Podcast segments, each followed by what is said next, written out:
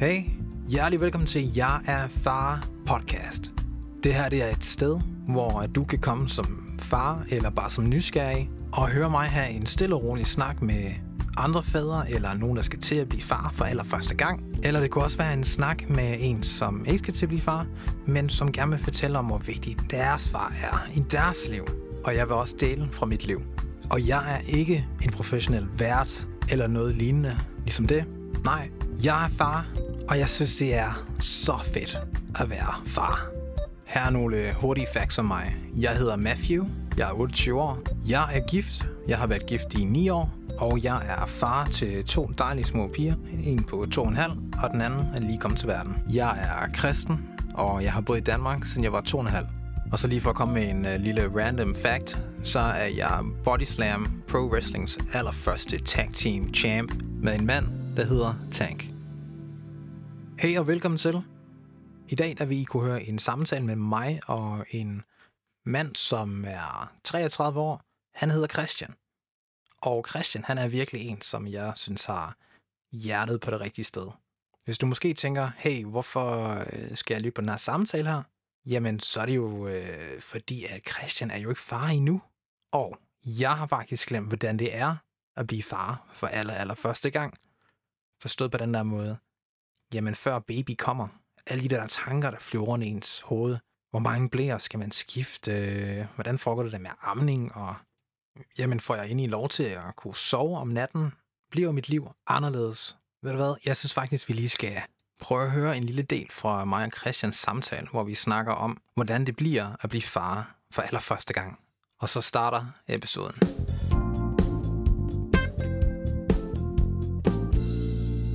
Jamen, det gør det. Altså, din, uh, din liv den bliver vendt på hovedet. Altså. Men, altså, jamen, det er jo det. Og det er sådan en, det kan du godt sidde og sige nu. Og du kan godt sådan fortælle mig, altså jeg kan godt høre de ord, som du siger, men jeg ja. kan ikke forstå det endnu, jo.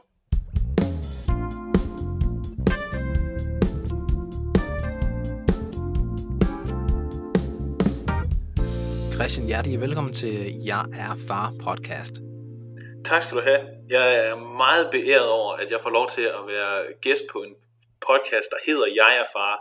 Når nu jeg ikke er far endnu, så det, det tager jeg som et skulderklap og som motivation til virkelig, og når jeg så endelig bliver det, så gør det godt. Nu har jeg sådan lidt 20 startet her, føler jeg. Ja, men det er også rigtigt. Men altså, du er jo også bare en rigtig, rigtig cool dude. Så, øh, og når jeg hørte, at du skulle til at være far, så blev jeg jo kun mega, mega begejstret, fordi jeg ved, hvor fedt det er at blive far. Og jeg kender dig som person, og ved, at øh, du står for nogle meget fede ting, så det ved jeg, at du kommer til at klare vanvittigt godt. Tak for det. Det er altså, øh, altså det er også sådan noget, det er jo sådan en, en ting, hvor noget af det, som jeg tænker meget over i forhold til sådan, at jeg ved jo ikke noget som helst om det. Altså man kan jo forestille sig alle mulige ting, og have alle mulige idéer om, hvordan, hvordan det er, øh, ja. og hvordan man gerne vil håndtere det og sådan noget, men man ved det jo reelt set ikke, før man står i det. Og derfor synes jeg, det er meget rart, når der så er nogen, som ligesom har gennemlevet det, og som ved, hvad det kræver, og som øh, både kender mig og kender den situation, føler, at det er noget, som de tænker, det kan han nok godt håndtere. Altså det, det, er sådan, det, det beroliger mig på en eller anden måde, at det, sådan er, at det ligesom er dit udgangspunkt. Altså jeg vil, øhm, jeg vil ikke lyve. Jeg er ikke ekspert inden for det her med at være far, men jeg har hvad, to og en halv års erfaring efterhånden. Og jeg ved, at min datter har det rimelig godt. Sådan rimelig så, godt. Øh, og øh, med det i tankerne, så ved jeg, og når jeg kender dig personligt, så ved jeg også godt, at du vil kunne klare det her mega godt. Og det er også derfor, jeg tænker, det kunne være fedt at have dig med ind på podcasten, fordi at jeg ved, at øh, det er jo lige om lidt, det er jo lige om lidt, du skal være far. Men før vi kommer dertil, Christian, vil du ikke lige fortælle om, hvem du er? Jo, altså udover at være øh, vortende far, så er jeg sådan mit, mit passionsprojekt i livet er, er at jeg laver øh, wrestling shows. Og det er sådan ligesom noget som at mm. jeg har før været med i nogle podcast, der har det altid været det det handler om. Så sørg også lige for at stoppe mig hvis, øh, hvis vi kommer ud på sådan en eller anden, et eller andet sidespor med det, fordi det er sådan noget jeg kan snakke meget om i meget lang tid. Øh, men sådan mere øh, personligt så øh, jeg er øh, oprindeligt fra Thy. Jeg bor nu i Viborg, øh, hvilket jeg sådan, jeg boede i Aarhus nogle år, faktisk meget glad for Aarhus, men så øh, alligevel, jeg vil gerne være lidt tættere på, øh, på mine forældre. Så Viborg, det var sådan, ligesom sådan et godt sted, fordi der øh, boede min kæreste i forvejen. og så kærligheden leder jo en til sådan nogle øh, steder, hvor man ikke tænkte, man skulle hen. Og så, øh, så havnede jeg i Viborg. Øh, og vi har så været sammen i, øh, i et par år nu, og skal så have vores øh, første barn her til august. Jeg ved ikke, hvornår den her bliver udgivet, men øh, det er stadig i fremtiden, som ja. den bliver optaget nu i hvert fald. Øh, og det er, jo, øh, det er jo ligesom sådan noget, hvor, hvor også, nu begynder jeg også at tænke over mig selv sådan i, i den kontekst, at, at nu skal øh, jeg til at være far, og så har jeg lige mistet min far selv her i, øh, i april måned også, midt i øh, ja. coronakrisen og alt det her, som jo også sætter nogle, nogle tanker i gang, også i forhold til, at så vil jeg i hvert fald gerne have, at øh, nu, vi ved ikke om det er en dreng eller en pige, men mit, øh, mit barn øh, skal kende sin farmor i hvert fald. Og det er jo også geografisk smart, at, at vi så bor her, hvor vi gør nu, i forhold til sådan, at okay, så er det i hvert fald til at, altså hvis man ikke lige kender, geografi, kender geografien, så er der måske ja. halvanden time eller sådan noget med tog fra, fra Viborg til Hur, hvor jeg er fra.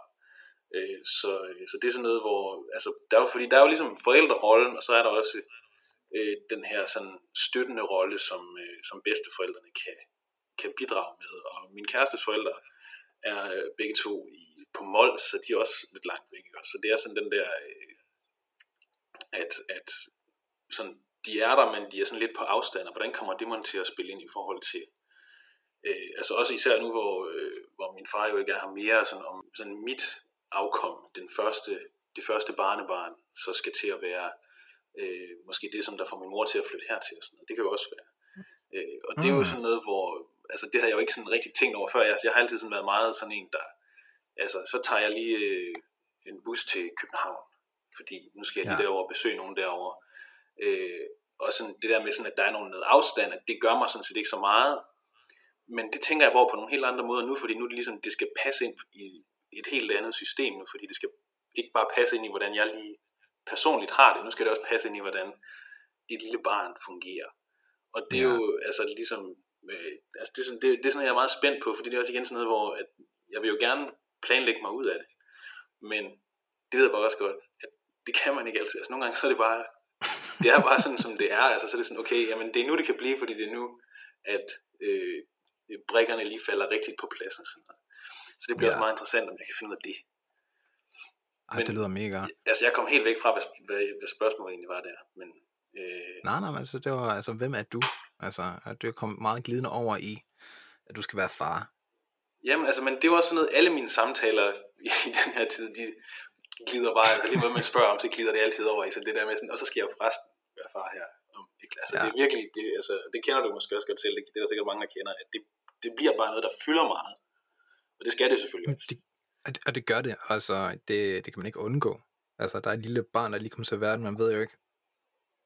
Jeg tænker altid på det der med, at øh, hvis man køber en ny fjernsyn, der er en kæmpe manual, hvordan man skal jeg sætte den op og sådan noget, men du får bare et baby i din hånd, og det var sådan, værsgo. Ja, Go. men altså, der er jo ikke nogen, øh, altså, øh, og så, vi har jo så endda gennemgået øh, øh, graviditeten, en stor del af det i øh, coronanedlukning. Så, så sådan noget ja. fødselsforberedelse og sådan noget har der faktisk ikke engang været ret meget af. Altså, så, så, så altså, vi går helt blind ind i det meste af det her. Altså, det er sådan noget, der har været nogle, altså det er sådan noget med at se videoer på internettet og sådan noget, ikke? Altså det, men altså i det mindste, så min mor, hun er sådan øh, pensioneret pædagog, så der er sådan lige noget at trække på der, sådan noget know-how, håber jeg. Øh, men det er sådan en, øh, altså, men det er også igen, alle folk igennem tiderne, de har jo alle sammen haft de samme tanker, de har jo alle sammen tænkt, uha, og hvad nu, og hvordan gør vi lige det, og de har for det meste fundet ud af det jo. Så det, ja. man kan jo være forhåbningsfuld på den måde, men og ligesom skulle lære barnet at kende os. Altså, og fordi et barn er jo ikke bare et barn, det er jo, altså, det er jo et nyt menneske, som ikke var her før, og som man, skal, som man både har ansvaret for, men som man også, altså, og som man kan forme og så videre øh, på gode og dårlige måder, selvfølgelig alt efter, hvad der så sker der, men som også bare nødvendigvis har en eller anden personlighed, som ligesom er født ind i det. Og det, øh, sådan det der med at lære barnet at kende og sådan noget, det synes jeg er meget fascinerende også i forhold til, hvordan man ligesom kan, øh, kan øh, vokse selv ved den proces af, at altså, når man jo skal opdrage og sådan noget selvfølgelig, men også ligesom forstå, hvor øh, et, et, et umælende barn. Altså, de kan jo ikke fortælle noget som helst, noget som helst, og alligevel så skal man lære at forstå det og have noget empati på det og sådan noget. Ja, det var faktisk noget af det, jeg blev meget overrasket over med min datter. Det var der med, hvor hurtigt jeg faktisk kunne begynde at forstå, hvad hun sagde, selvom hun ikke rigtig sagde noget. Ja, det er fascinerende. Fordi du altså. kommer, til at, altså, du kommer til at genkende nogle lyde, eller nogle bevægelser, og så ved du, ah, okay, du er sulten. Ja, jamen det er fantastisk sådan noget. Altså jeg, jeg havde sådan en kammerat, som, øh, som havde et, øh, et barn, der, var, der havde sådan nogle svære, øh, jeg ved ikke om det var fordi han havde svært ved at høre, og så øh, han svært ved at tale også. Øh, og det er der jo mange, der har sådan i starten, kan man sige, at de, de skal lære nogle ord, men han havde det altså sådan langt ind i, altså helt ind til, til folkeskolealderen, tror jeg. Øh, Ja. Og det var sådan, når jeg snakkede med, med barnet, så, altså, jeg, jeg kunne godt sådan forstå det nogle gange, men for det meste, så var det bare sådan for, altså det var sådan ligesom om, at der var ikke noget struktur, ikke? altså det var meget sådan, sådan en, øh, sådan nogle, sådan nogle lyde, ja, er måske meget godt, sådan ligesom du siger, at man lærer, man, men, men, han, men igen, min kammerat, han forstod det hele, altså han var helt med på sådan, at han sagde det der, øh, om øh, nu skulle han, nu vil han gerne have en rugbrødsmad med leverpostej, eller altså, altså sådan noget, sådan de der specifikke ting, han sagde, og så sagde han det Ja. bare ligesom sådan, når hans søn sagde et eller andet, så sagde han, når vil du gerne, sådan, ligesom gentog det, sådan for dem, der var i lokalet, sådan folk forstod det. Ja. Øh, og altså, det er igen det der, man kan tilpasse sig så mange ting, og selvfølgelig måske også lidt mere, når det ligesom er på, for ens barns skyld, kunne jeg forestille mig. Der, der ligger et eller andet ekstra der i det. Øh, men, øh, men, ja, men det er sådan noget, jeg glæder mig meget til, den der, den der proces af, at, at øh, finde ud af, hvem barnet er, og hvordan, ja. hvordan man ligesom skal jamen, kommunikere med det, men også øh, hvordan man kan få det til at forstå mig, eller altså sådan den der sådan, altså, det er jo sådan noget, altså det, jeg, jeg ved jo ikke engang, hvornår kommer den til at sige far første gang, og sådan, ikke? det synes jeg også er, altså det er super spændende, den der sådan, altså, og sådan de første ord, hvad bliver de første ord, og hvordan, øh, øh, hvordan de der øh, sådan helt tidlige ting kommer til at ske, fordi det er jo sådan noget, altså jeg har jo aldrig været til stede, når nogen har taget deres første skridt, eller når Mm. nogen har sagt deres første ord. og Sådan. noget. Altså, det er jo sådan noget, som er sådan en universel menneskelig oplevelse, så meget, at den er blevet gengivet så mange gange på film og tv og øh, alt sådan noget der. Ikke? Altså, og alle har en historie ja. om det. Og det er alligevel sådan noget, som det er så intimt og sådan en lille personlig ting, som man kun kan have sådan med sig selv, eller med sit, med, sin, med sit eget barn, eller med sådan, i hvert fald nogen, man er meget, meget tæt på, og er til stede meget sådan i deres liv. Og det er jo også sådan noget, som, som sker i forhold til øh, min, øh, min bror, han har ikke nogen børn endnu. Hvor meget øh, kommer han til også at spille ind i det her? Altså, sådan, kan han øh, påtage sig sådan en onkelrolle overhovedet? Fordi det er jo sådan noget, han har jo heller ikke prøvet sådan noget før, han er øh, umiddelbart ikke typen. Altså, han er sådan en, der ikke er så meget for... Altså, han er sådan, jeg skal ikke have børn og sådan noget. Øh, så, så, så vil han, øh, vil han sådan kunne påtage sig sådan en onkelrolle. Det, er jo, Det kan han godt. Altså, Det kan han altså, godt. det tror, jeg, det tror jeg også. Altså, når man ser ham, han er kan sådan han en, det. altså jeg tænker altid sådan, fordi når man ser ham med dyr, så er han altid, altså simpelthen, han, han smelter fuldstændig. Så, med dyr. så jamen, så, nej, men det, jeg tænker bare, hvis man gør det, når man ser min kat, så, så smelter han helt. Så, når han ser noget, der er sådan hans eget blod, må ikke, at det så også øh, øh, så gør han et eller andet. Altså, fuldstændig det vil, helt det vil jeg håbe. Jeg kan huske det der med, altså det du, du siger med, at øh, første skridt og sådan noget, jeg var altid bange for, at jeg vil und, altså jeg ikke nåede at se det første skridt, hvor man sagde, fordi jeg ville være på arbejde eller sådan noget, og jeg kunne, Mm. jeg arbejdede i Aarhus, og så fik jeg heldigvis rigtig mange billeder sådan løbende, mens jeg var på arbejde fra min kone. Nu kan hun det her, nu kan hun det her, og sådan, ah fedt, så kunne jeg nærmest leve igennem de her billeder her, sådan, ej, hun kan det her nu. Jeg var helt høj, da hun sådan begyndte at kunne holde sin nakke. Ah ja, Ikke? Altså, det er jo der, vi starter. Hun kan ikke holde sin nakke, jo. Det kan Ja. de jo ikke. Jamen det har jeg faktisk, jeg har været til stede, da, ikke da det skete, men sådan, jeg kom ind sådan en, en, en time efter, eller sådan at det var sket over hos nogle af mine venner engang, og de kunne bare ikke snakke om andet, og jeg var sådan lidt, altså jeg har været, jeg har været, været her sådan måske 25 eller sådan noget, ikke? altså jeg har været sådan lidt, hvad, hvad, altså, hvad er det, der er så fedt ved det? Men det forstår, altså jeg forstår det godt nu, og jeg har også sådan sidenhen ligesom, øh, altså det var måske også fordi, jeg tror faktisk ikke, at jeg på det tidspunkt havde set øh, altså, det barn før. Så mm. jeg var ikke sådan så imponeret over, altså at, åh, nå, okay, det, altså hvor svært kan det være? Men, øh, Og det skal også lige siges måske, at jeg er 33 nu. Øh, bliver 34 lige om lidt. Så, øh, så det er heller ikke fordi, at øh, altså, så der er gået nogle år nu. Og det er jo også sådan noget, jeg har jo ikke øh, sådan set tænkt så meget over det der med altså et, det biologiske ur og sådan noget, altså øh, for øh, det der med sådan, at hvis man skal have, ikke skal være sådan en meget gammel far og sådan hvilket mm. det vil jeg jo alt andet lige helst undgå. Altså, det kan være, det er for sent, det ved jeg ikke. Det kommer selvfølgelig an på, hvad er, øh, hvad er kriterierne for det. Men, øh, Nej, du, du, er, du er ikke en gammel far. Tak for det. Det er du ikke. Det sætter jeg pris på. Og, og for andre, der ikke, øh, eller for de andre, der tænker, hvorfor kan Matthew sige det? Det er fordi min far, han er gammel. øh, jeg er 28, og jeg mener, at min far, han er 85. Sådan. Ikke hænge mig helt op på det, men øh, jeg mener, han er der. Så da jeg var lille, så har jeg jo altid haft sådan en, ja, okay, han er min far, men når vi har været ude, så kunne han lige så godt være min bedste far. Ja. Og jeg kan huske, der har været mange situationer, hvor jeg har været i en eller anden butik, og så han sagt, nej, ude med din bedste far? Sådan, nej. It's my dad. ja, det bliver man nok træt af efter seks tid, kan jeg godt forestille mig. Jamen, det, det er efter femte gang. hvordan, hvordan er det, har du nogle søskende og sådan noget, som, øh, og hvor ligger de så hen i forhold til? Jamen altså, jeg har jo, øh, jeg er 28, og så fra mig til den næste, der er der syv år opad. Jeg er okay. den yngste. Øh, og så for, til den ældste, der er der 10, og jeg har tre store brødre. Altså, du er efter øh, også? Jeg er totalt efter nøleren, og øh, på rigtig mange måder har det været mega nederen at være efter nølerne. Øh, fordi altså, de har jo haft sådan to-tre år mellem dem. Ja. Men, og det har jo betydet, at de har kunne bare følges opad eller, eller igennem øh, skolegang og sådan nogle ting. Og så, øh, hver gang jeg nogen, nogen er kommet til et sted, hvor jeg tænker, ah, her er de måske i min tankegang, så er de væk. så er de flyttet hjemmefra, eller et eller andet. Ja, det er jo det. Altså, det er jo sådan noget også, øh, det ved jeg ikke, om det er noget, som I er bevidst om, men det der med, det der med søskende og sådan noget, om I sådan har tænkt også, okay, nu skal vi have nummer to inden for den her bestemte tidsperiode, sådan at de øh, sådan har noget ud af hinanden og sådan noget. Det er noget, vi har tænkt sindssygt meget over.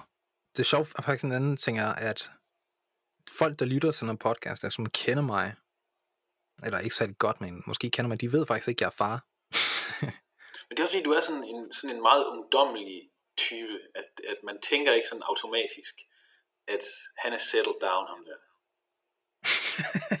Men så alligevel, når man hører det, så tænker man, nå ja, okay, altså det, det er jo ikke sådan, fordi at du er typen, der, øh, der sådan render rundt i byen og øh, laver alle mulige øh, uhensigtsmæssige ting på den måde, men det er stadigvæk, men du virker bare som sådan en meget sådan en, øh, ja, altså, du virker, men det er måske bare fordi, der er sådan en eller anden øh, forestilling om, at øh, jamen, hvis man er forældre, så er man jo også nødvendigvis bare kedelig og øh, gammel og sidder bare og... Går øh, tidligt i seng ja, sådan, altså, øh sådan nogle ting er der jo nok, måske sådan lidt sådan nogle stereotypiske forestillinger, selvom at det nok er lidt længe siden, at det nødvendigvis var sådan. Nej, men det tror jeg, altså det tror jeg måske, der er noget i. Øh, men jeg ved, for min vedkommende, eller for vores vedkommende, mig og min kone, altså så har vi været meget sådan, at vi gerne vil holde det lidt øh, væk fra sociale medier, at vi er øh, blevet forældre, fordi at, ja, altså jeg kan godt forstå forældre, der gerne vil vise deres øh, guldklummer frem. Altså det kan jeg da også rigtig meget have lyst til tider, men øh, vi tog sådan en beslutning om, at vi gerne vil holde det faktisk meget, meget privat. Det er også mere bare sådan noget for, øh, vi vil gerne beskytte vores barn, ser vi det som, at, øh, at beskytte hendes privatliv yeah. online. Så øh, nu har jeg været far i to og en halv år, og øh, der er stadig rigtig mange, jeg kan møde, som jeg kender på Facebook i mange år, og når de så møder mig, de så finder ud af, sådan, hvor har du ikke sagt noget? Jamen, det, jeg deler det ikke på Facebook, men øh, nu er du foran mig, så nu kan du vide det. Jamen altså, det er jo også en, altså, det er jo helt normalt det der med, at man skal ligesom sige, altså der er sådan visse ting, der sker i ens liv, som folk nærmest på nuværende tidspunkt forventer, at jamen, det skal lige ud på Facebook, eller i hvert fald en eller anden form for sociale medier eller et eller andet, at det er sådan noget, som, det vil man jo gerne have, at andre folk ved. Øh, og, ja, lige præcis. Men der er også den, altså jeg tænker også meget i det, øh, sådan i forhold til det der med, altså og igen, hvis folk gør det, altså fred med det, og det er jo, øh, altså, der er ikke noget, øh, øh, man er ikke en dårlig forælder for at dele billeder af sit barn og sådan noget. Men jeg tænker, Nej, ikke. alt andet lige, at det ville være vildt underligt, hvis jeg kunne gå tilbage og se billeder af mig som barn, som der er blevet kommenteret på for 33 år siden. Og det er jo det, der, det, er jo det, der sker nu, ikke? at der er sådan nogle billeder, som kommer op, som man kan finde fra, mm. vildt nærmest fra folk er født, som ligger ude på sociale medier, og som altså, hvis noget ligger på Facebook, så ligger det der jo altså for evigt. Altså, det, det kan godt være, at du sletter billedet, men Facebook har det jo til evig tid. Altså, det, det forever. Og det, altså, og det er noget, man altid vil kunne få fat på, på en eller anden måde. Men, men det er jo også noget, vi, øh, vi tog en beslutning om, altså at sådan med vores familier og venner, som vidste, at øh, vi sagde til dem, I må ikke lægge noget online. Øh, og hvis de kommer til at lægge noget online, så sagde de til dem, tag det ned igen. Øh, og, det, og det kan godt lyde lidt ekstremt, ikke også? Altså, men jeg havde været sådan en snak med en anden, øh, en anden kammerat for noget tid siden, hvor han, han kunne ikke rigtig forstå det, altså hvorfor jeg havde det på den der måde der. Øhm, fordi de lagde rigtig meget op, og det var ikke fordi, der er noget galt med det overhovedet, det skal man ikke gøre, for mig at sige. Øhm, men hans argument, det var, at hans forældre, de viste jo øh, børnebilleder til dem, der kom hjem til dem. Og det, det var argumentet. Og sagde, ja, men når, men når du lægger dem op på Facebook, så er det jo ikke bare til dem, der kommer hjem til dig. Altså hvis din profil er public, så er det jo til hele verden. Ja, og, øh, altså, og det er jo også noget, som er, altså hvis du viser et billede til nogen, så er det jo, altså, nu må du se det her, ikke? Altså, det, er sådan, det er ligesom sådan, at man deler jo et eller andet minde med nogen. Øh, og det, ja. øh, altså, og det er jo sådan noget, igen, det er jo nemt nok for mig at sige nu, fordi jeg skal jo ikke tage stilling til det, fordi øh, jeg har ikke noget barn, så det er nemt nok, at jeg kan, det er sådan en, en teoretisk øvelse for mig ja, ja. at snakke om det. Der er meget sådan med cybermobning og det ene og det andet, ikke? hvor ja. der sådan ligesom er, det er jo en, noget, man kan ligesom bruge meget effektivt, hvis man gerne vil ramme nogen, så, så, så tager man et eller andet grimt billede af dem, eller et eller andet, og så lægger man det op, og så deler man det med, på Snapchat med alle andre end den person, for eksempel, og sådan noget, ikke? Og sådan nogle, sådan nogle ting er jo også nemmere ja. ligesom at lære, hvis der bare altid har været det sådan, at jamen, der er ikke nogen billeder, der er lagt op af dig, fordi det er også de regler, som mor og far har øh, levet efter i forvejen. Altså, så det er ligesom, når barnet bliver gammelt nok, kan man så begynde at spørge, har du lyst til, at vi lægger det her billede fra din fødselsdag op, så alle dine venner kan se det inde på den her gruppe, eller sådan noget. Ja.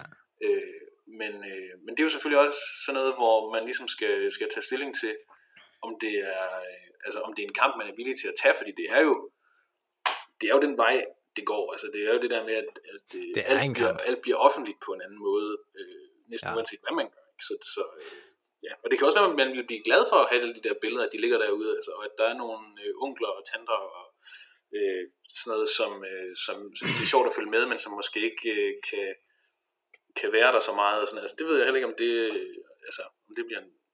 Altså, det er en balancegang, men jeg kan også huske, at jeg snakkede med en lærer engang, øh, som havde som snakkede med en elev, jeg tror, eleven gik i 3. klasse, ikke også?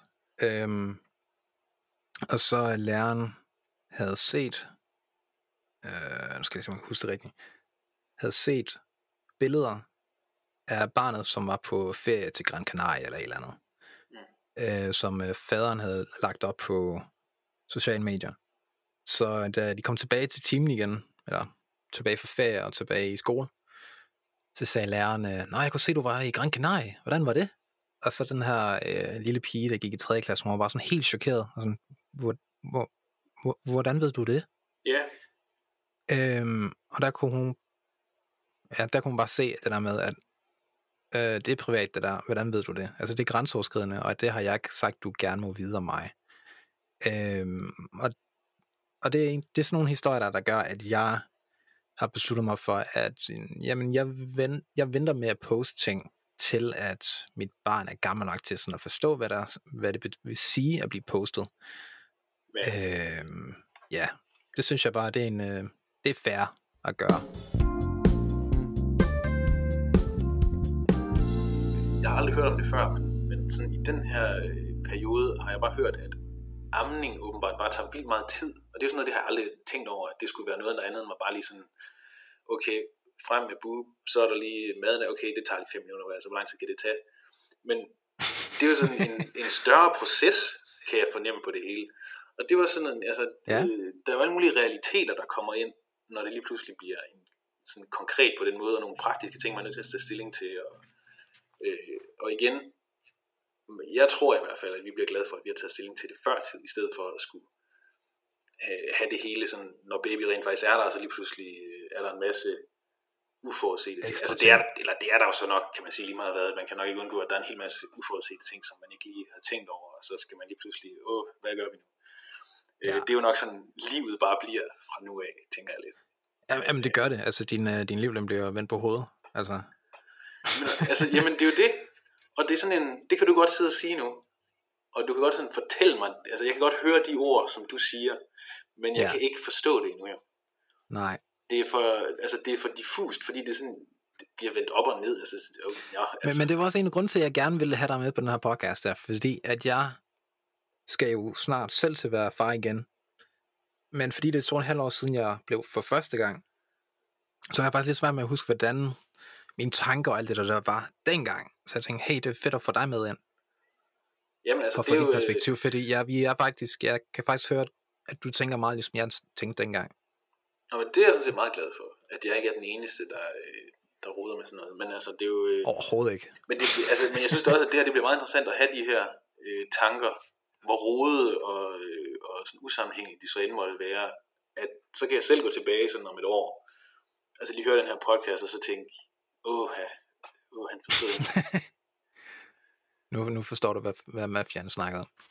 Jamen altså, det bliver jo sådan noget, altså det tror jeg da, altså jeg tror, det bliver sådan en, når jeg sidder og hører det om et år, Ja. eller om fem Ja. år, eller hvornår jeg nu har tid til det igen, så, øh, så bliver det, altså så bliver det sådan noget, hvor jeg sådan sidder sådan og tænker, øh, at jeg havde godt nok en, en simpel tankegang om det hele, sådan, og, og øh, altså, at det var, jeg tror det ikke, at, altså, men det, sådan skal det jo også helst være. Man skal helst ikke tænke, at ens, øh, hvis man ikke synes, at ens fortids-jeg var lidt dumt, så betyder det jo, at man ikke har lært noget. Og det er jo, øh, Ja, så det også håber jeg da, at jeg, at, jeg, at jeg siger en hel masse dumme ting nu. Men at jeg så indser det om et år, eller når jeg nu hører det igen. Jamen, det lyder meget rigtigt. Altså, øhm, ikke fordi vi skal køre rundt i det der, men det er bare det der forhold til med at tage billeder, ikke? Ja. Altså det der med, at du siger, at du, altså, du er jo ikke far endnu, så du er jo ikke rigtig at forholde dig til det, men jeg tænker bare det der med, at det, jeg kan godt lide, at mig og min kone, vi havde taget lidt stilling til det, før vi sådan øh, gik i gang, eller før vi fik øh, vores datter, altså hvordan øh, skal der blive taget billeder og så videre. Og vi, jeg kan huske, vi havde perioder, hvor det var, der blev taget mange billeder, og perioder, hvor der ikke blev taget mange billeder. Øh, vi prøvede lidt at finde balance i det, fordi da jeg var lille, ikke også, altså, det var bare sådan noget, man, der blev taget et billede, da jeg var til en fødselsdag, eller hvis der er nogle særlige gæster. Men så lige pludselig er det bare sådan, hey, nu smiler du. Klik. Ja, nu er du derovre. Klik. Det der med, at baby er hele tiden... Øh, altså, det er bare en ny norm, at de er omringet af kamera. Øh, jeg har været enormt glad for, øh, hvad hedder det, Randers Regnskov. Det kan jeg anbefale, hvis man, øh, hvis man har årskort dertil. Øh, men jeg, noget, jeg lagde mærke til, fordi jeg har været der 70 gange, eller, ikke, er, at øh, især bedsteforældre, der tager deres børn derhen, de skal bare have de der billeder der. ja, det forestille mig. Øhm, og der var en dag, hvor jeg var sådan, uh, det er bare tydeligt, at de her tre børn her, de gider det ikke. De havde nogle, de var i gang med at kigge på nogle mega fede slanger. Ikke? Og Nå, det er jo ja. det, man gør i regnskoven, ikke? Og så siger de, øh, så siger bedstemoren, øh, vend jer lige rundt, og I skal lige smile ordentligt. Og så er der en, der bare ikke gad. Ej, nu smiler du altså. Du smiler altså nu. Og så smilede hun, og så fik de der billeder der. Og så lige efter billedet kunne man bare se den der, åh, suk Ja. kameraet skulle frem igen. Så, og det er sådan lidt taget til mig, så øhm, jeg prøver virkelig at begrænse, hvor mange gange jeg tager billeder, og jeg er ikke perfekt i det overhovedet. Øh, men jeg er meget bevidst om det. Men det tror jeg også, det er nok, øh, altså det er jo også en, lidt en, en skrækhistorie, det der, ikke? hvor det så ligesom bliver en pligt, i stedet for at man har nogle gode billeder af nogle gode minder, så bliver det jo sådan noget, hvor det barn nu ikke synes, at det, når de ser det billede, at det var et godt minde, fordi, altså, fordi det ligesom bliver overskygget. sådan noget, ikke? Scenesat. Ja, altså, det vil man jo gerne have. Man, vil- altså, det er jo sådan noget, hvor, jeg synes jo, det er dejligt at have sådan nogle billeder fra min barndom, fra sådan, okay, så har vi været på stranden, eller sådan noget. Men Ja, lige præcis. det er jo også fordi, at de billeder har, øh, har været nogen, hvor det har været det, der skete. At det har ikke været et spørgsmål om, at der har været øh, noget tvang indover, eller sådan, at det har været øh, sådan, at åh, nu skal vi have et billede af det her lige nu. Altså, fordi der er jo nogle ting, hvor det, hvor det så som, må- måske vil man faktisk gerne have haft et billede, men det passede bare ikke ind der, fordi man ligesom, nu er vi i det her, nu, nu er det det her, vi laver, så har vi ikke tid til at tage et billede af det, og så må det lige være sådan. Øh, Ja. altså, og det er jo, øh, og, men altså, det er jo bevist, det er en god idé at have billeder af ting, altså man, man husker ting bedre, hvis man har billeder, og øh, man husker flere ting, hvis man har billeder af det og sådan noget, fordi det er jo selvfølgelig, hjernen er jo fejlbarlig, sådan er det jo, men, øh, Ja. men når det så er sagt, så er der en, en værdi i også bare sådan at, øh, at være i øjeblikket jo, altså det er jo, det er jo noget af det, som man snakker meget om nu om dagen, fordi det er så, øh, altså dengang var det jo på en måde nemmere, fordi der kunne det også være, at man bare havde glemt sit kamera, det er der jo ingen, der gør nu om vel? altså nu, du har jo et kamera hele tiden, øh, så, Ja, så det er 100%. nærmere en begrænselsens kunst på nuværende tidspunkt. Og jeg, jeg synes faktisk, det er særlig svært for mig. Øh, altså folk, der ikke lige ved det, så er jeg jo uddannet inden for film og tv. Så jeg er jo vant til alt med kamera, og hele tiden have en kamera, og hele tiden holde øje med det, den rigtige øjeblik, der lige dukker op, og være klar til at fange det billede. Ja, Så jeg har den der, jeg, jeg er uddannet til at være klar til at tage det gode billede. og det skal du lige lægge, Øhm, lægge væk, faktisk, når du det, sådan jamen, det er jeg i, nødt til at lige at pakke væk, og lige sige, nej, nu er jeg her, nu er jeg nærværende. Og så kan det godt være, at jeg ikke lige får det her billede, men jeg får, jeg får oplevet den her smil, der kommer min vej. Ja, Den ser men jeg. det er jo smukt sagt. Jamen, jamen, det er jo sådan, det er.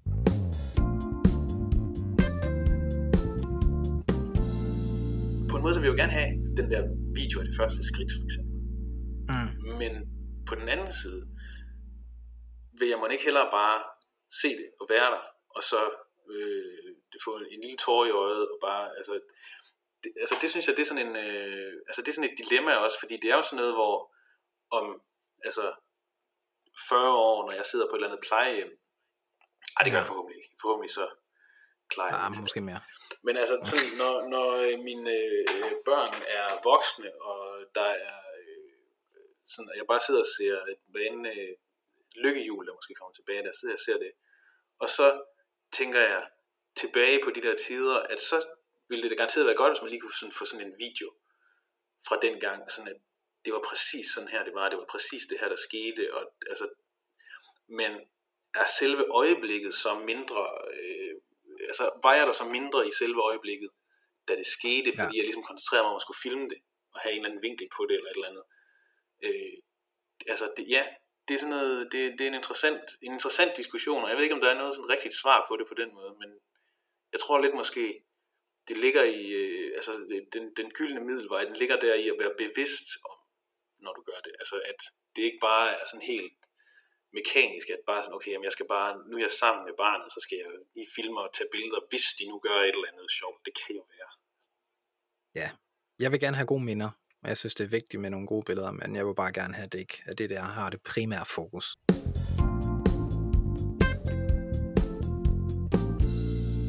Men Christian, Ja, du er, du er snart dad, og øh, jeg er snart dad igen.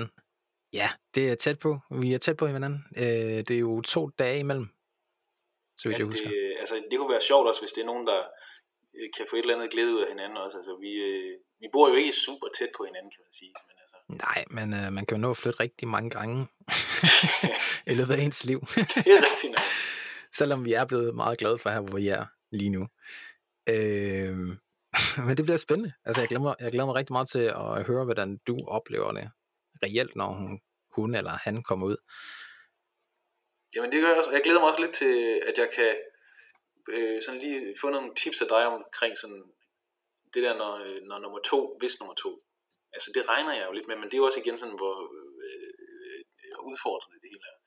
Men, øh, men nu, nu, du har jo ligesom også noget erfaring, både fra, okay, første graviditet og hvordan det så er anden gang, og når man ligesom skal balancere det, fordi så bliver det jo først rigtig, altså, så er der rigtig, først rigtig Ja, meget ja. balancere.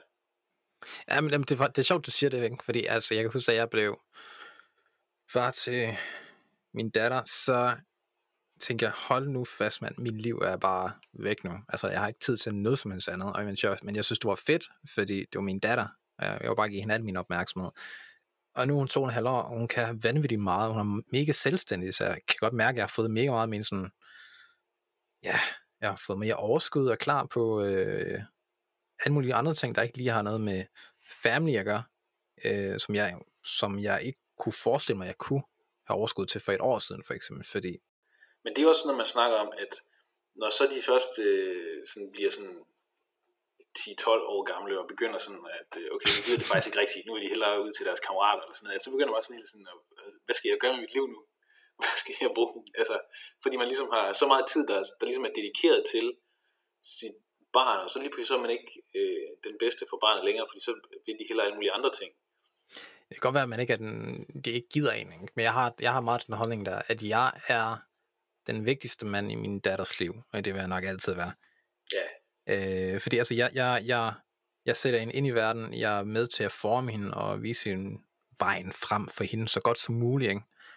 Øh, så når hun bliver teenager og ikke gider sin far, jamen så vil jeg stadig gerne være der. Og hun skal altid vide, at hun altid kan ringe, eller whatever, så er jeg der med det samme. Altså, det er jo, det er jo målet for mig, også når hun bliver 18 og myndig, at jamen, hendes far er der stadig. Altså, bare fordi, at hun er, nu er hun officielt voksen på papir, jamen så, altså, I got her back. Jamen, og det er jo også bare et spørgsmål om, at øh, selvom det, øh, de bliver voksne, så er det jo stadigvæk børn.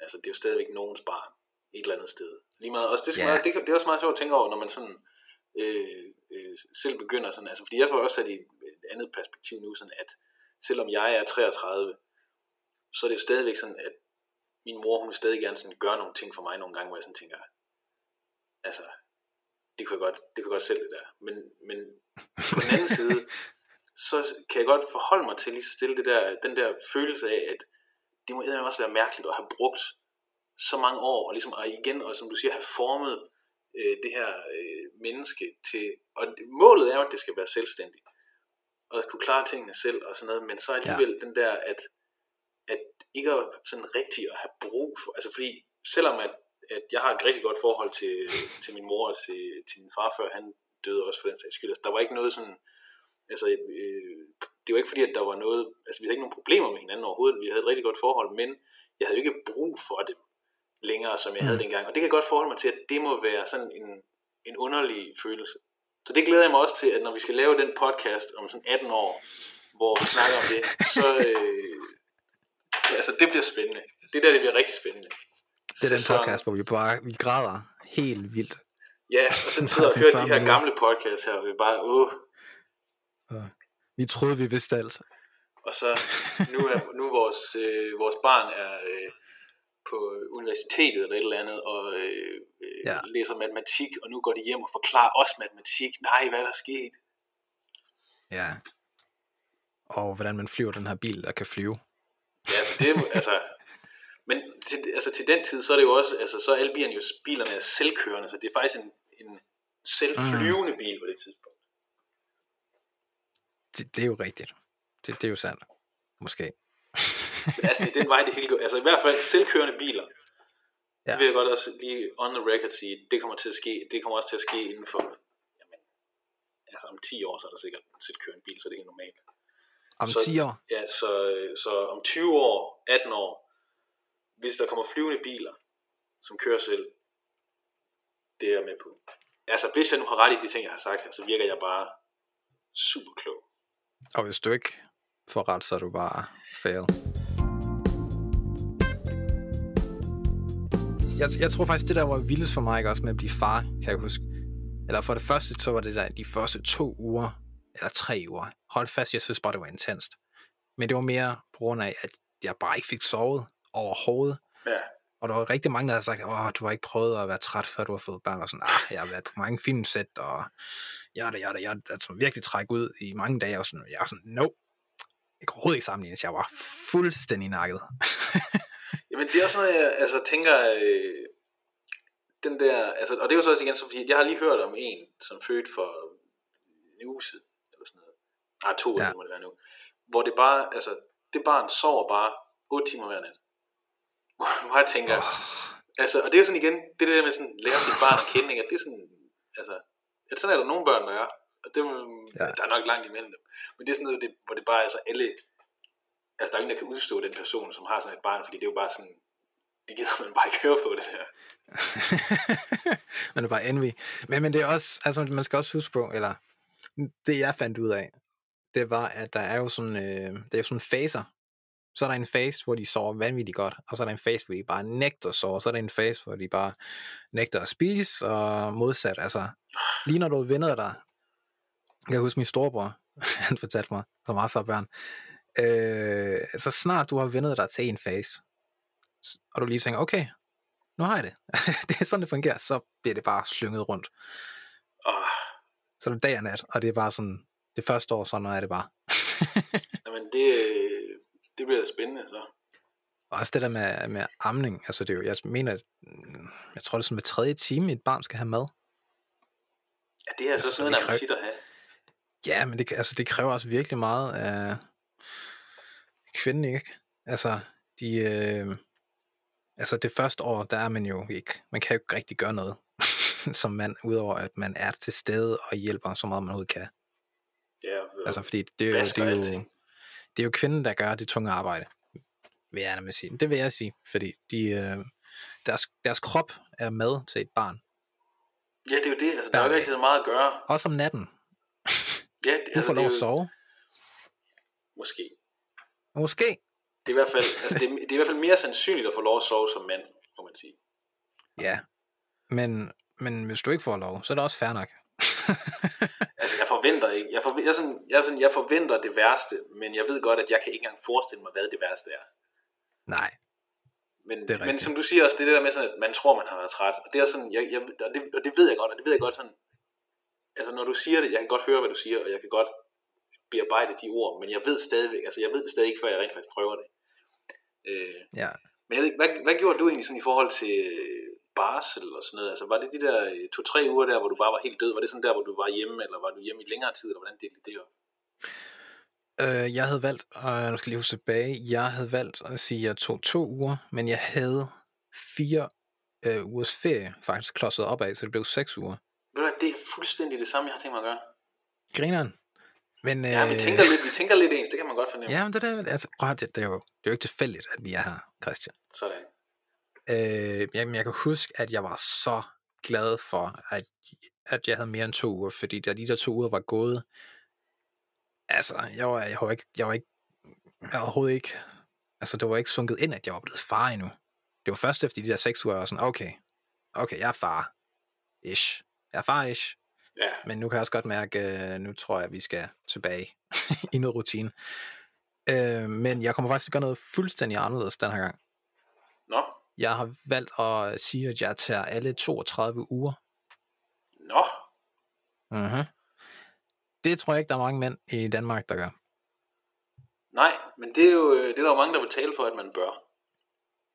Ja, og jeg, jeg ser mange pros and cons ved det, men øh, når det kommer, når alt kommer til det, så, øh, så, så synes jeg bare, det er en vild idé, at det der med, at jeg kan være så meget intens sammen med min familie i så lang tid, det ser jeg som en kæmpe gave. At det faktisk er en mulighed i Danmark, at man kan det. Og, øh, men det betyder ikke, at det kun er mig og mine to børn. Min, øh, min kone, jeg kan ikke lige huske, hvordan det kan lade sig gøre, men hun kan også være hjemme, og det, og det er virkelig fedt. Og det vil sige, at vi faktisk kan være hjemme, begge to. Ej, ja, det er selvfølgelig det er jo meget, altså det er også meget værd selvfølgelig. Også når der er to, kan man sige, så er det, det er ekstra vigtigt. Men, øh, men det er jo sådan en, altså det er jo sådan noget, som ville have været meget normalt en gang.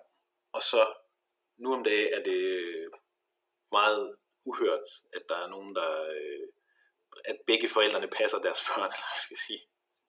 Ja, jamen, totalt. Øh, men jeg tror også, øh, mm, Altså, jeg, jeg kan godt mærke, at øh, da jeg fandt ud af, at jeg godt kunne det her, så var jeg på den ene side, så var jeg sådan, åh, det vil jeg helt vildt gerne.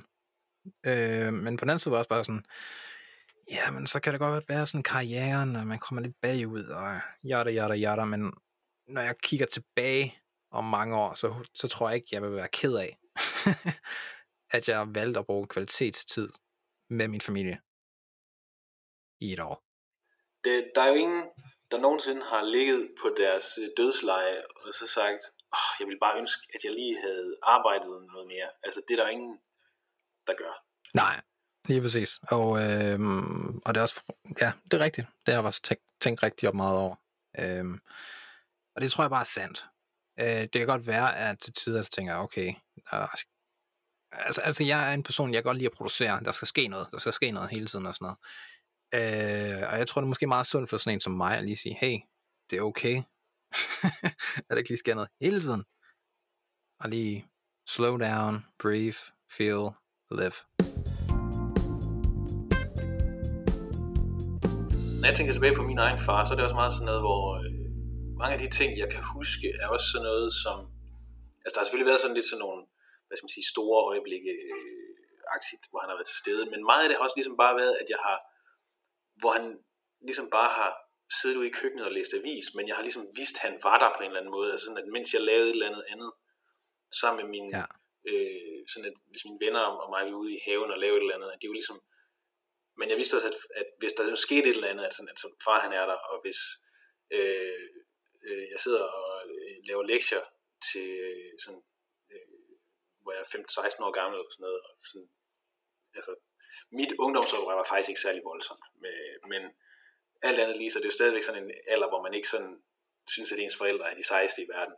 Men stadigvæk den der sådan, at bevidstheden om, at jamen, de er der, og han er der, det er sådan noget, som jeg meget gerne vil give videre til, øh, til, min, til mine egne børn, den der, at det behøver ikke at være sådan en eller andet, øh, sådan nogle store øh, forkromede gestusser, der bliver gjort sådan i forhold til, åh, se hvor meget øh, jeg elsker dig, aktivt, men mere det der, mm. at hvis, hvis et barn vokser op, og så aldrig er i tvivl om, at, at min far er der, det er sådan noget, det, det, det er sådan et mål, som jeg har.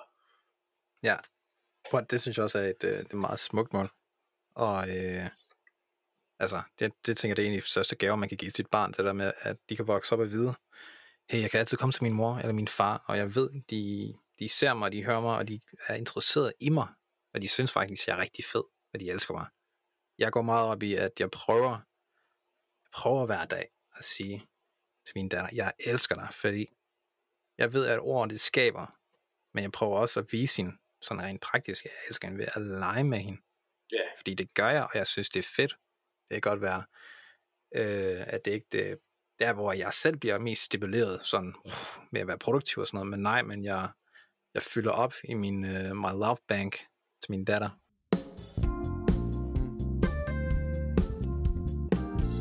Men jeg har også, øh, der er også mange mænd, eller jeg har hørt, øh, at nogen sige, at øh, de første tre år af børns liv, der er faren ikke rigtig noget, øh, han er ikke så vigtig.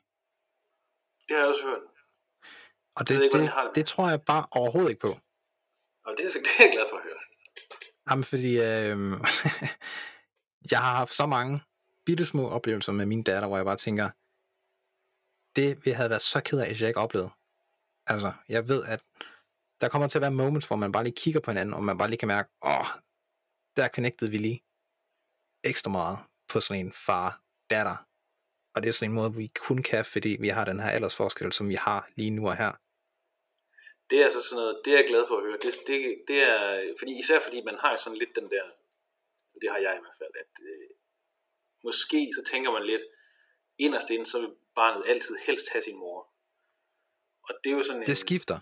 Ja, altså det er jo sådan noget, hvor det ligesom også, øh, jamen det er også det, jeg har hørt med det der med de der med de tre år, eller der er også nogle andre, der siger det endnu senere. Og sådan noget, at, øh, ja, men altså, altså også før det, altså der, ligesom i, der er faser, hvor mor er den fedeste, far er den fedeste, og det kan godt sådan skifte fra uge til uge i en periode. men det er fedt for barnet at have den mulighed. Det er selvfølgelig rigtigt. altså det er jo også, øh, altså, og det er også sådan en, en ting, der også er i forhold til, hvis man skal hvis man ligesom skal lære sit barn at kende, så er det jo også et spørgsmål om, at man kan øh, måske være noget forskelligt for det. Altså fordi man, det er jo svært at være alting, selvom det vil man selvfølgelig gerne, og det er jo ligesom man også gerne vil det for øh, sin kone, kæreste, hvad det nu måtte være. Altså, men det er jo svært at være alting.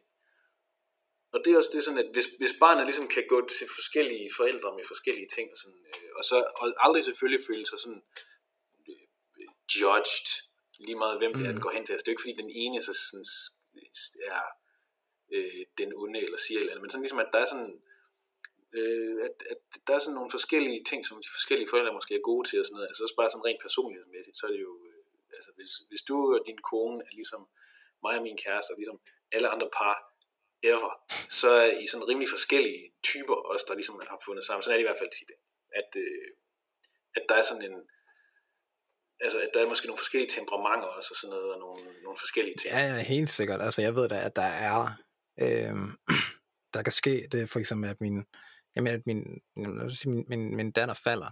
Altså, min måde at, og reagere vil helt klart være anderledes, end hvordan min kone gør. Altså, jeg tror, jeg har mere en tendens til at sige sådan, Nå, op igen, det var synd for dig. Men øh, Det er sjovt, så rejser det er sådan noget, igen, ikke?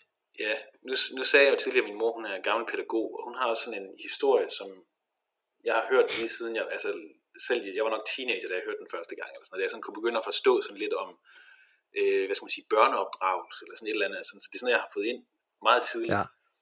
Øh, og det var, øh, der var en lille pige, og hun øh, faldt og slog sig, og øh, slog sit knæ, og fik en stor hudafskrabning, og græd selvfølgelig over det, fordi det gjorde jo ondt, og hun blev bange for det.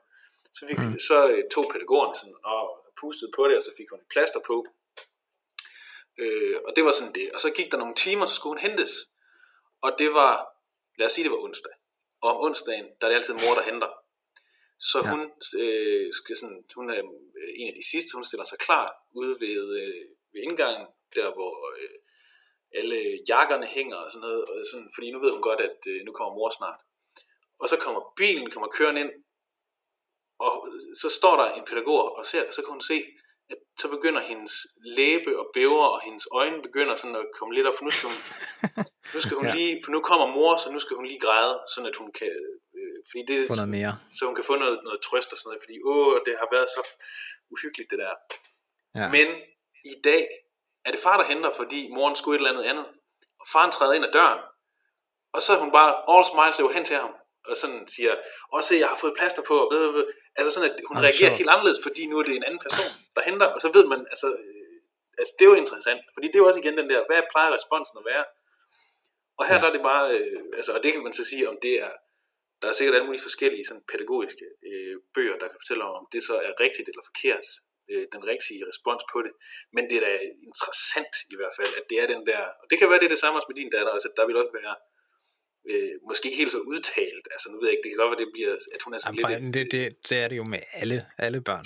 Altså, der er jo ikke, forældre vil altid være forskellige, ikke? Altså, og gribe det forskellige an, men det er jo ikke fordi, den anden er mere forkert eller rigtig end den anden. Altså, vi er, jeg er maskulin, hun er feminin, altså det er jo sådan, det er.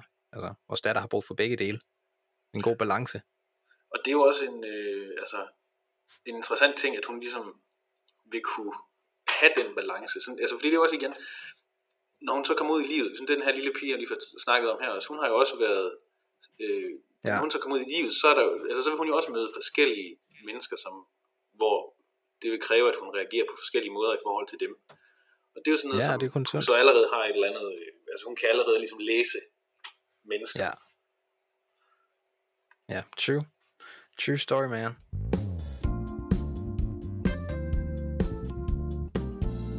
Christian. Du, du er altid en fornøjelse at snakke med. Det er jeg da glad for. I lige måde. Det, altså, jeg håber virkelig, du har, har øh, godt styr på dit, øh, din klippeteknik og sådan noget, sådan noget af det, jeg har sagt til at være nogenlunde sammenhæng. Ej, men prøv jeg kommer nærmest ikke til at røre ved det.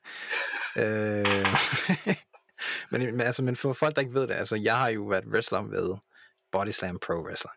Pro Wrestling. Ja, Og det er jo der igennem, jeg kender dig, Christian. Ja og det er jo Og, en, øh, altså, et kendskab, som, eller et bekendtskab, som, øh, som går rigtig langt tilbage. Og sådan, jeg tror i virkeligheden, du kendte måske min bror først oprindeligt. Sådan lidt før, fordi der var jo sådan, øh, du har sådan lidt wrestlet af flere omgange også og sådan noget, hvor du også mødte øh, Ja, en af vores fælles bekendte, øh, Michael, som også er, øh, som stadigvæk er involveret i det, og stadigvæk, øh, hvor, øh, hvor han også ligesom, måske var en af dem, der sådan ligesom fik dig til at komme lidt tilbage igen til det, tror jeg også. ja, det, ja, ja, det tror jeg faktisk er rigtigt. Det tror jeg er rigtigt. Det er faktisk lang tid siden, jeg, øh, men ja, det er rigtigt. Men det er jo sådan meget, altså en, ligesom med alting, så er det sådan en, en lille subkultur, hvor det sådan lidt sådan, alle kender jo sådan lidt alle, ikke? og så det var sådan også før jeg overhovedet mødte dig, så havde jeg godt sådan, der var ham der Matthew der, eller der var ham, Du havde, øh, du Matt havde Slice. legenden. jeg havde hørt om, jeg havde hørt om Matt Slice dengang, tror jeg. Matt Slice, åh oh, nej, det havde jeg også lige glemt. Hvad kom det navn fra? Var det fordi, du godt kunne lide pizza, eller altså, hvad var, hvad var historien? Øh, det var, og hvad var det? Det var, at uh, Matthew, Matthew Slice is so nice that you can slice a dice, eller et eller andet. Det lyder fedt. Men øh, ja, men altså, jeg, jeg startede jo hos jer, før jeg blev far. Ja, Og øh, så blev jeg far. Og så havde jeg jo den store ære af at være jeres første tag team champ sammen med Tank. Ja, altså det var en, en stor aften for, øh, for 400 mennesker i, øh, i. Aalborg på Skroen. Ja. Det var en, øh, det var en stor øjeblik for mig også. Men det er også noget, du, øh, du altså, man kan godt sige, altså nu vi skal vi også lige være helt sikre på, at der er ikke nogen her, der siger, at wrestling er rigtigt. Øh, der er ikke noget øh, sådan på den måde, at vi skal forsøge at trække noget ned over hovedet på nogen, men alligevel, det der med lige at, og, altså, at den der anerkendelse, som der ligger i, at man er mester inden for det, altså det er jo lidt det samme som at få, hvad skal man sige, hovedrollen i et skuespil, eller øh, måske Ja, lige præcis. Ja. sådan noget. Øh, hvor, øh, så, så det er også sådan ligesom, selvom det ikke er en kampsport, hvor du har vundet et mesterskab, så er det stadigvæk noget, hvor du har fået en anerkendelse for, at du har haft et vist niveau inden for det. I hvert fald. Ja, lige præcis. Altså, så jeg, øh, så jeg stoppede jo hos jer, eller jeg tog en, øh, en pause. Jeg vil stadig sige, det er en pause, fordi man ved jo ikke, om jeg måske kommer tilbage igen. Jamen, du er så ung jo. Jeg er så ung, øh, men øh, grunden til, at jeg gjorde det, det var fordi, jeg, jeg kunne mærke, at jeg skulle bruge noget mere tid på familien derhjemme. Øh, og hvis man skal holde en pause for noget, så synes jeg, det er, det er den rigtige grund til at gøre det. Ja, fordi det Men, er også øh, sådan noget, igen, hvor du, kom, altså, du kommer heller ikke igen, du kommer ikke til at ligge på dit dødsleje og tænke, jeg skulle ønske, jeg havde wrestlet noget. Altså på den måde. Det er jo ikke sådan... øh, til gengæld, så tror jeg godt, det tror jeg godt, du kunne måske, hvis du så havde... Øh, hvis nu grunden til, at du så var gået væk fra øh, dit passionsprojekt med wrestling, i forhold til, at du gerne ville sidde mere på et kontor, der kan jeg godt forestille måske, at du havde tænkt, okay, jeg vil have wrestling, men ikke lige når det er i forhold til at opdrage din, din datter. Men sådan... Øh, men altså, men det er jo sådan en, altså, du vil jo heller ikke være den første, som, Nej, og heller ikke som, sidste. som holder en pause, og så kommer tilbage igen, fordi du måske tænker, okay, det er faktisk meget sjovt, hvis mine børn kan se mig øh, wrestle, for eksempel. Altså, det er jo, Ja, den tanke har jeg absolut haft, ikke? Så øh, never say never in wrestling, right? sådan er det. Aldrig sige Ja. aldrig i, øh, i wrestling og i, øh, når, man- altså, og når man har et barn, tror jeg også lidt. Jeg tror også, er Justin Bieber, siger never say never, så øh, vi crowder ja, så ved Justin. man, så ved man. Han er en af de store er filosofer. Nå, jeg prøver, Christian, tak for, et, øh, for din tid. Jeg ved, at din øh, tid kommer til at være ekstra, ekstra meget dyrbar lige om meget kort tid. Jamen tænk, hvis du havde, hvis du havde spurgt mig om sådan om en lille måneds tid, når jeg, når, jeg, når barnet lige er kommet, altså så den her podcast Ja. ja. var jo aldrig sket. Nej, det var no-brainer. Det vil never happen. Og jeg har også haft sådan lidt en følelse af, eller sådan en frygt, at lige pludselig så øh, blev du nødt til at sige, det er nu, og så skulle du løbe. Eller jeg skulle sige det. Jamen det er, Øh, godt, at, altså- det er jo godt, at du, øh, at du lige nåede det her. Altså, det, er jo, det, det må være sådan Ja. dit, øh, din, sådan, du har sådan en, en farsans, at du kan ligesom, okay, jeg skal lige skynde mig at nå det her. Ja, det er det. det vi, er, vi er op over. Vi er op over.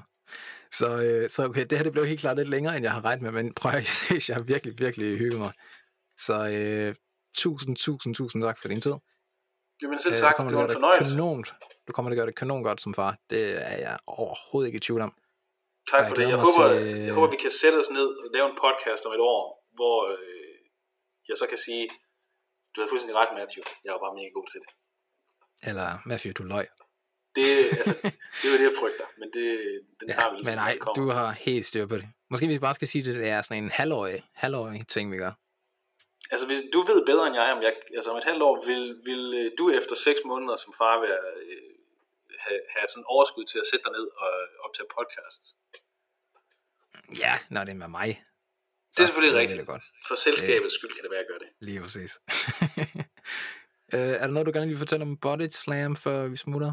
Jamen altså, jeg synes da bare, at øh, man skal gå ind på bodyslam.dk, og så skal man finde alle vores sociale medier og sådan noget halløj derinde, og så skal man øh, øh, give en helt unik live underholdningsoplevelse en chance, når vi kommer til en by nær dig. Altså vi er jo i København, Aarhus, Odense, Aalborg, andre byer rundt omkring sådan lidt løst, øh, og det kan man se hele på vores hjemmeside. Øh, når det her corona, det altså lige forsvinder igen, fordi det er jo selvfølgelig, altså, Ja, corona. Lige præcis. Jamen, øh, det lyder godt, mand. Og det kan jo være, at nogle af dem, de lige pludselig finder en video med mig, der laver et eller andet crazy, crazy, crazy stuff. der er nogle, altså, nogle crazy videoer, hvis man lige sådan leder lidt efter det. Fedt, lad os, uh, lad os uh, stoppe den der. Tak for det i dag. Selv tak. Vi ses, mand. Vi ses. Hej. Du er nu færdig med denne episode fra Jeg er Far podcast. Jeg håber, du kunne lide det. Hvis du gerne vil i kontakt med mig, eller være sikker på, at du ikke går glip af næste episode, så kan du finde mig ind på øh, Facebook og Instagram og Twitter.